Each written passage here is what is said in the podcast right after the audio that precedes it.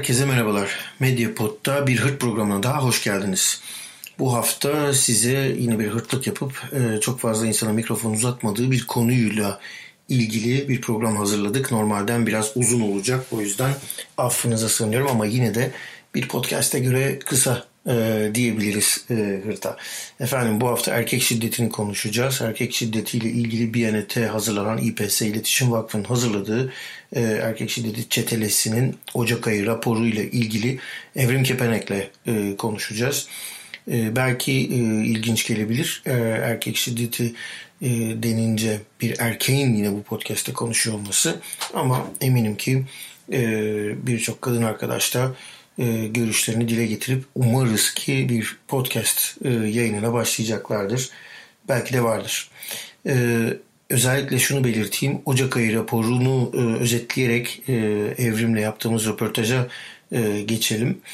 Ama Ocak ayı raporunu biyanet.org adresinden bulabilirsiniz. Ben sadece şunu söyleyeyim. 22 failden sadece 5'i tutuklandı. 22 erkekten sadece 5'i tutuklandı. E, kadınların %47'si ev içinde, %23'ü sokakta e, öldürüldü ve 20 bin, 21 kadın, kadın öldürüldü. E, Ocak 2020'de. E, %76'sı e, koca e, ya da eski erkek arkadaş, sevgili olarak e, fişlenmiş e, bu rakamlar çok büyük rakamlar. Yani ne kadar büyük bir ülkeyle konuşuyor olsak da ne kadar büyük bir ülkeden bahsediyor olsak da e, buna bir dur demek gerekiyor. Podcast'imiz Hırt'ta bu hafta e, böyle bir konuya e, mikrofon uzatacak.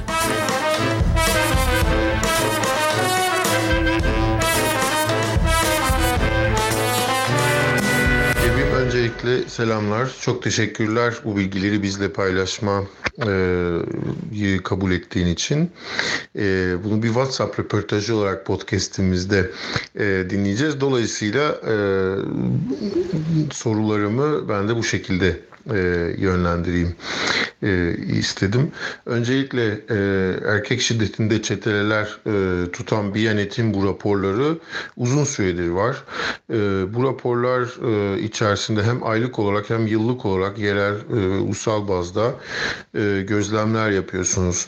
E, öncelikle bu, bu raporu bize bir en son Ocak ayı raporunu bize bir e, açıklayabilir misin? Bir, biraz anlatabilir misin? Herkese merhaba. Biyanet e, erkek şiddeti çetelesini e, İPS İletişim Vakfı'nın çalışmaları kapsamında 2008 yılından itibaren gerçekleştiriyor. E, çeteleye ilk başlandığı yıllarda e, Burçin Belge arkadaşımız ardından da Çiçek Tahaoğlu yıllarca erkek şiddeti çetelesini hazırlamış. Son e, bir buçuk yıldır da erkek şiddeti çetelesini Biyanet için ben hazırlıyorum. Aynı zamanda Biyanet'in de kadın ve LGBT'yi artı haberleri editörü olarak e, çalışıyorum. Çeteleyi hazırlamamızın nedeni e, aslında bu ülkede erkek şiddetinin öyle e, münferit tek vakka, tekil vakalardan değil aslında sistematik olduğunu göstermek. Sizler de çok iyi bilirsiniz, e, dinleyicilerimiz de bilir ki bu ülkede bir kadın öldürüldüğü zaman 2-3 e, gün haber olur. Ondan sonra unutulur. Ayşe Paşalı'da, Emine Bulut'ta yaşadığımız gibi. Ama biz bu çeteleyi her ay yayınladığımız zaman aslında bu ülkede her ay en az 20 kadının düzenli olarak erkeklerin sistematik şiddet sonucunda öldürüldüğünü görüyoruz ve bunu anlatmış oluyoruz. Bu veriler bunun e, dayanağı kaynağı oluyor. E, Ocak 2020 erkek şiddeti çetelesine gelecek olursak da e, Ocak'ta 21 kadın erkekler tarafından öldürüldü. Burada failin adını çok net bir şekilde koyabiliyoruz. Yani biz e, toplumsal cinsiyet temelli cinayetleri çetelemize alıyoruz ve bu nedenle de faili çok net olarak tanımlayabiliyoruz erkek. Peki bu erkekler kimler derseniz kadınları genelde aynı evde yaşadıkları kocaları, eski kocaları, dini nikahlı kocaları, sevgilileri, babaları, oğulları, damatları öldürüyor. Örneğin e, bu ay vardı mesela Ocak 2020 çetelerimizde vardı. Bir kadın boşanmak istiyor. Kocası e, onu öldürüyor ve eğer kadının yanında annesi de varsa o erkek anneyi de öldürüyor. Eğer e, çocukları yanındaysa çocukları da öldürüyor. Bunları çok görüyoruz. Yine Ocak 2020'de çetelesinde dikkatimi çeken e, vakalar şuydu. E, intihar oranlarının çok arttığını yani erkekler kadınları öldürüyorlar ve e, daha sonradan intihar ediyorlar. Bunu da e, çok fazla görüyoruz. Maalesef bu cinayetlerde medyada cani koca, cani baba başlıklarıyla cinnet geçirdi şeklinde veriliyor. Biz buna da bu dile de karşıyız. Çetelemizde de e, tamamen yalın bir şekilde e, cinayetin e, detaylarını vermeye çalışıyoruz. 2008'den bu yana e, nasıl bir değişim gözlemliyorsunuz? Şimdi hani böyle iki e, şiddet e, oranının e, düştü. Mesela geçen ay göre iki e, sayı daha az 23'müş 21 e, şiddet olayı görülmüş e, şeklinde görüyoruz ama e, gerçek hayata yansıyan aslında bir azalma söz konusu mu? Kadınların mücadelesiyle birlikte e, yargıya taşınmasıyla bu e, şiddet e, olaylarının yargıya taşınmasıyla erkek çetelerinin ve erkek şiddetinin e, azalıyor e, olması e, durumu söz konusu mu? Gerçekte böyle bir şey var mı? E, yoksa aslında e, şiddet e, daha mı yükseliyor? Nasıl bir gözlemde bulunabiliriz? Şimdi ben burada e, iki soru anladım. Birincisi 2008'den bugüne erkek şiddeti çetelesindeki değişimler, farklılıklar ne yönde? İkinci soruda ki bu soruyla çok sık karşılaşıyorum. E, bir azalma var mı diye. Önce ilk sorudan başlayalım. Şunu gördük biz eski çeteleleri de incelediğimiz zaman.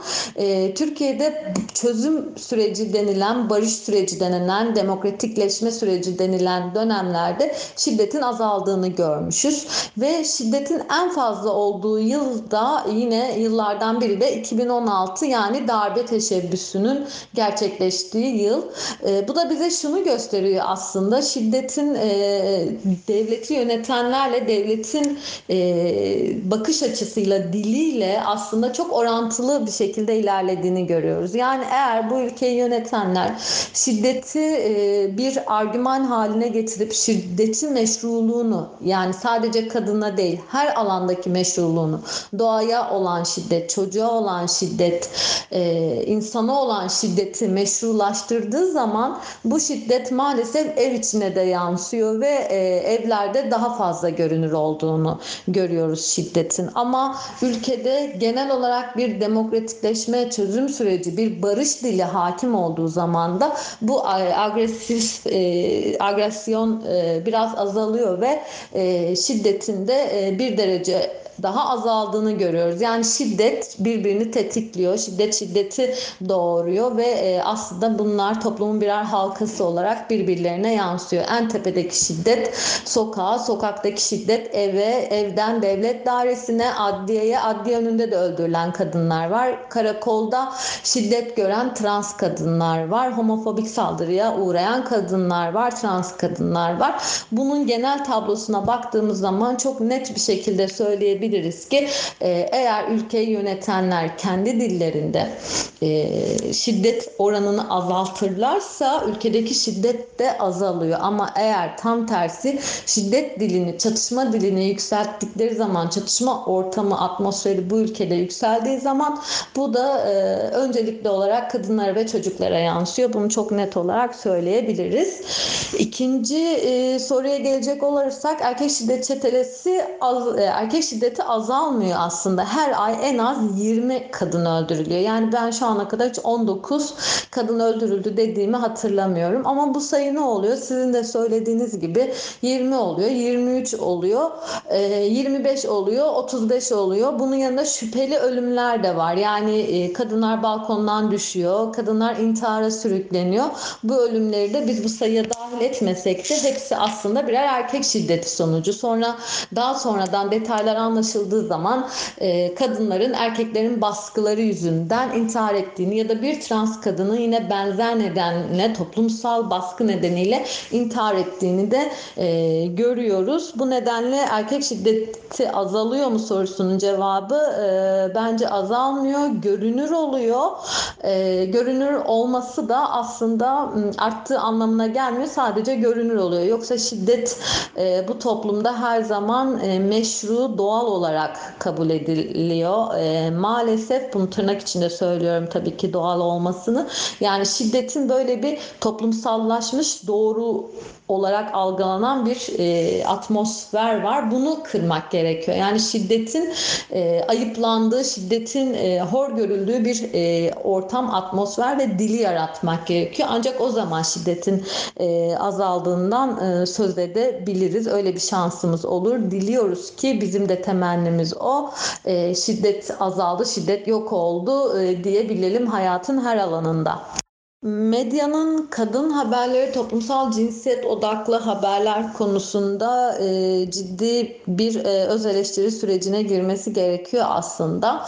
E, evet bir önceki 10 yıla e, baktığımızda, geçmiş 10 yıla baktığımızda hani artık bayan denmiyor, kadın deniyor, e, bilim adamı denmiyor, bilim insanı deniyor. Böyle farklılıklar yaratıldı kadınların mücadelesi sayesinde, özellikle kadın gazetecilerin mücadelesi sayesinde. Ama bunu bunu maalesef ki e, cinayet şiddet haberlerinde göremiyoruz. E, bir kadın öldürüldüğü zaman e, alt metinde kadının işte aslında açık saçık fotoğraflarını koyarak kadını metalaştırıp kadını tırnak içinde söylüyorum zaten o yolun yolcusuydu gibi gösterip e, algıda çok büyük oynamalara neden oluyorlar. Bunu büyük bölümü e, bilerek e, yapıyor olmasa da aslında kafaslarındakini habere yansıtmış oluyorlar. Bunun en bariz örneği yaklaşık iki yıl önce Sakarya'da yaşandı aslında. Dinleyiciler de hatırlayacaktır. Sakarya'da e, Suriyeli bir kadın karnında bebeği ve yanındaki bebeğiyle birlikte önce tecavüze uğradı bir erkeğin. Ondan sonra da öldürüldü ve bu haberi yazan erkek muhabir Suriyeli kadın güzelliğiyle dikkat çekiyordu gibi bir ara başlık atmıştı. Yani kadının tecavüze uğramasına bir güzellik gibi bir meşruiyet e, kazandırmaya çalışmıştı ve e, büyük oranda da tepki almıştı. Bu gibi örnekler aslında çok fazla var. E, bu e, maalesef hem cinayetin hem saldırıların hem cinsel saldırıların hem çocuğa yönelik cinsel saldırı ve şiddetin meşrulaştırıldığını görüyoruz biz e, medya tarafından. Bu da çok e, yakıcı bir sorun aslında. Belki ki Türkiye'de bu toplumsal cinsiyet odaklı bakış açısı ilkokullardan itibaren müfredata belki yerleştirilmeli. Çünkü e, hakikaten hani bir muhabir hızlıca haberini yazarken e, orada erkeğin bakış açısıyla yazabilir. Erkeği göz, e, göz görünür kılmaktan ziyade kadını e, görünür kılar ve neredeyse öldürülen kadın bir e, suçlu gibi okuyucu tarafından algılanabilir. E, bu nedenle bunları mutlaka önüne geçmek gerekiyor. Biz bu konuda e, dikkat ediyoruz her zaman. E, özellikle kadını, çocuğu tekrar mağdur etmesine asla izin vermiyoruz. LGBT artıları e, tekrar bir hak ihlaline neden olmasına asla izin vermiyoruz. Çünkü fail netse, e, fail erkekse biz diyoruz ki e, ben bunu şöyle özetliyorum. E, Ali Ayşe'yi öldürdü. Bu kadar nettir. E, Ayşe çok güzeldi. Ali cinnet geçirdi. Ali'nin ekonomik sorunları vardı. Bizim meselemiz değil. E, bunlar hiçbiri şiddete bir gerekçe neden olamaz. Kadına e, yönelen şiddetin de erkeğin uyguladığı şiddetin de hiçbir gerekçesi, hiçbir bahanesi olamaz. Yargıya taşınan kararlardan alınan sonuçlardan memnun musunuz? Yoksa e, yargı e, kadın şiddetinde, kadına karşı şiddet e, olaylarında e, aslında yeterli kalmıyor mu? E, yargı reformu gerekli mi bu konuda? E, yasalar yeterli kalıyor mu e, sizce? Soruya e, sondan başlayarak yanıtlamaya çalışayım. Yasalar yeterli kalıyor mu? Aslında e, Türkiye yasaları Türkiye'deki erkek şiddetinin sonlandırılması noktasında çok net ve tutarlı ve sonuç getirici. Ama maalesef yasalar uygulanmıyor. Çünkü bu yasaları uygulayıcılar da yine erkekler ve erkek bakış açısıyla e, ya da o erkek yargı alanında kadın biyolojik olarak kadın olsa da erkek bakış açısına sahip olan kadınlar tarafından uygulanıyor bu yasalar ve bu nedenle de elbette ki e, toplumsal cinsiyet odaklı bir sonuç alamıyoruz ya da adaletin geldiği bir sonuç alamıyoruz. Örneğin Fatma Şengül davasında e, planlı kasten bir öldürme varken çünkü adamın e, yani katil erkek şunu savunuyor. Ben yoldan geçerken Fatma'yı gördüm ve e, tartıştık bana küfretti, beni tahrik etti ve ben öldürdüm diyor ama aslında e, bu adamla Fatma'nın aynı iş yerinde çalıştığını, Fatma ile adam arasında husumet olduğunu ve adam o mahalleden geçerken yanında nasıl bıçak olabilir? Yani herkes yanında geçerken büyük kocaman bir satırla dolaşmaz herhalde sokakta gezerken. Yani bilinçli olarak aslında olay örgüsüne baktığımız zaman iddianamede de yazan haliyle anlatıyorum. Ee, adamın, katilin gidip e, Fatma'yı apartmanının önünde işe gitmek üzere çıktığında öldürdüğünü görüyoruz. Ama kendisi ben markete gidecektim diyor.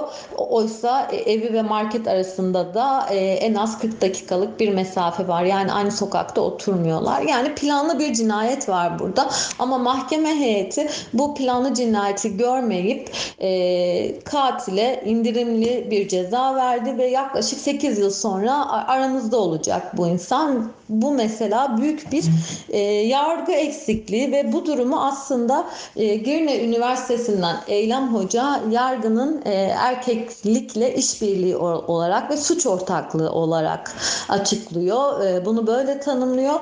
Yıllardır yargıdaki e, erkek şiddeti sonucu ölen kadınların davalarını incelemiş bir akademisyenden söz ediyorum. Kendisi çok net bir şekilde yargının e, erkeklerle, erkeklikle bir e, iletişim kurarak e, ve e, erkek tarafından olaya bakarak aslında öldürülen kadınları tekrar tekrar mağdur ettiğini e, söylüyor. Yani yargı e, eril, cinsiyetçi bir yargıdan çok net olarak e, söz edebiliriz. E, bunu birçok davada da yani haksız tahrik indirimi denen bir şey var bu ülkede. Kravat taktığı için indirim alan bir sürü e, biz şiddet e, failini biliyoruz bu ülkede. Bunları vakka vakka e, sayıp dinleyicilerimizi aslında e, yormak da istemiyorum ama şöyle bir gerçek var. Bunu çok net olarak söyleyebiliriz ki bu akademik literatüre de girmiş. E, Türkiye'de yargıda cinsiyetçilik çok yoğun bir şekilde görülüyor. Artık biz e, kravat indirimi almadığı zaman bir fail kravat indirimi almadığı zaman bunu sevinip aslında buradan da haber yapıyoruz. Bu bile aslında durumu gösteriyor.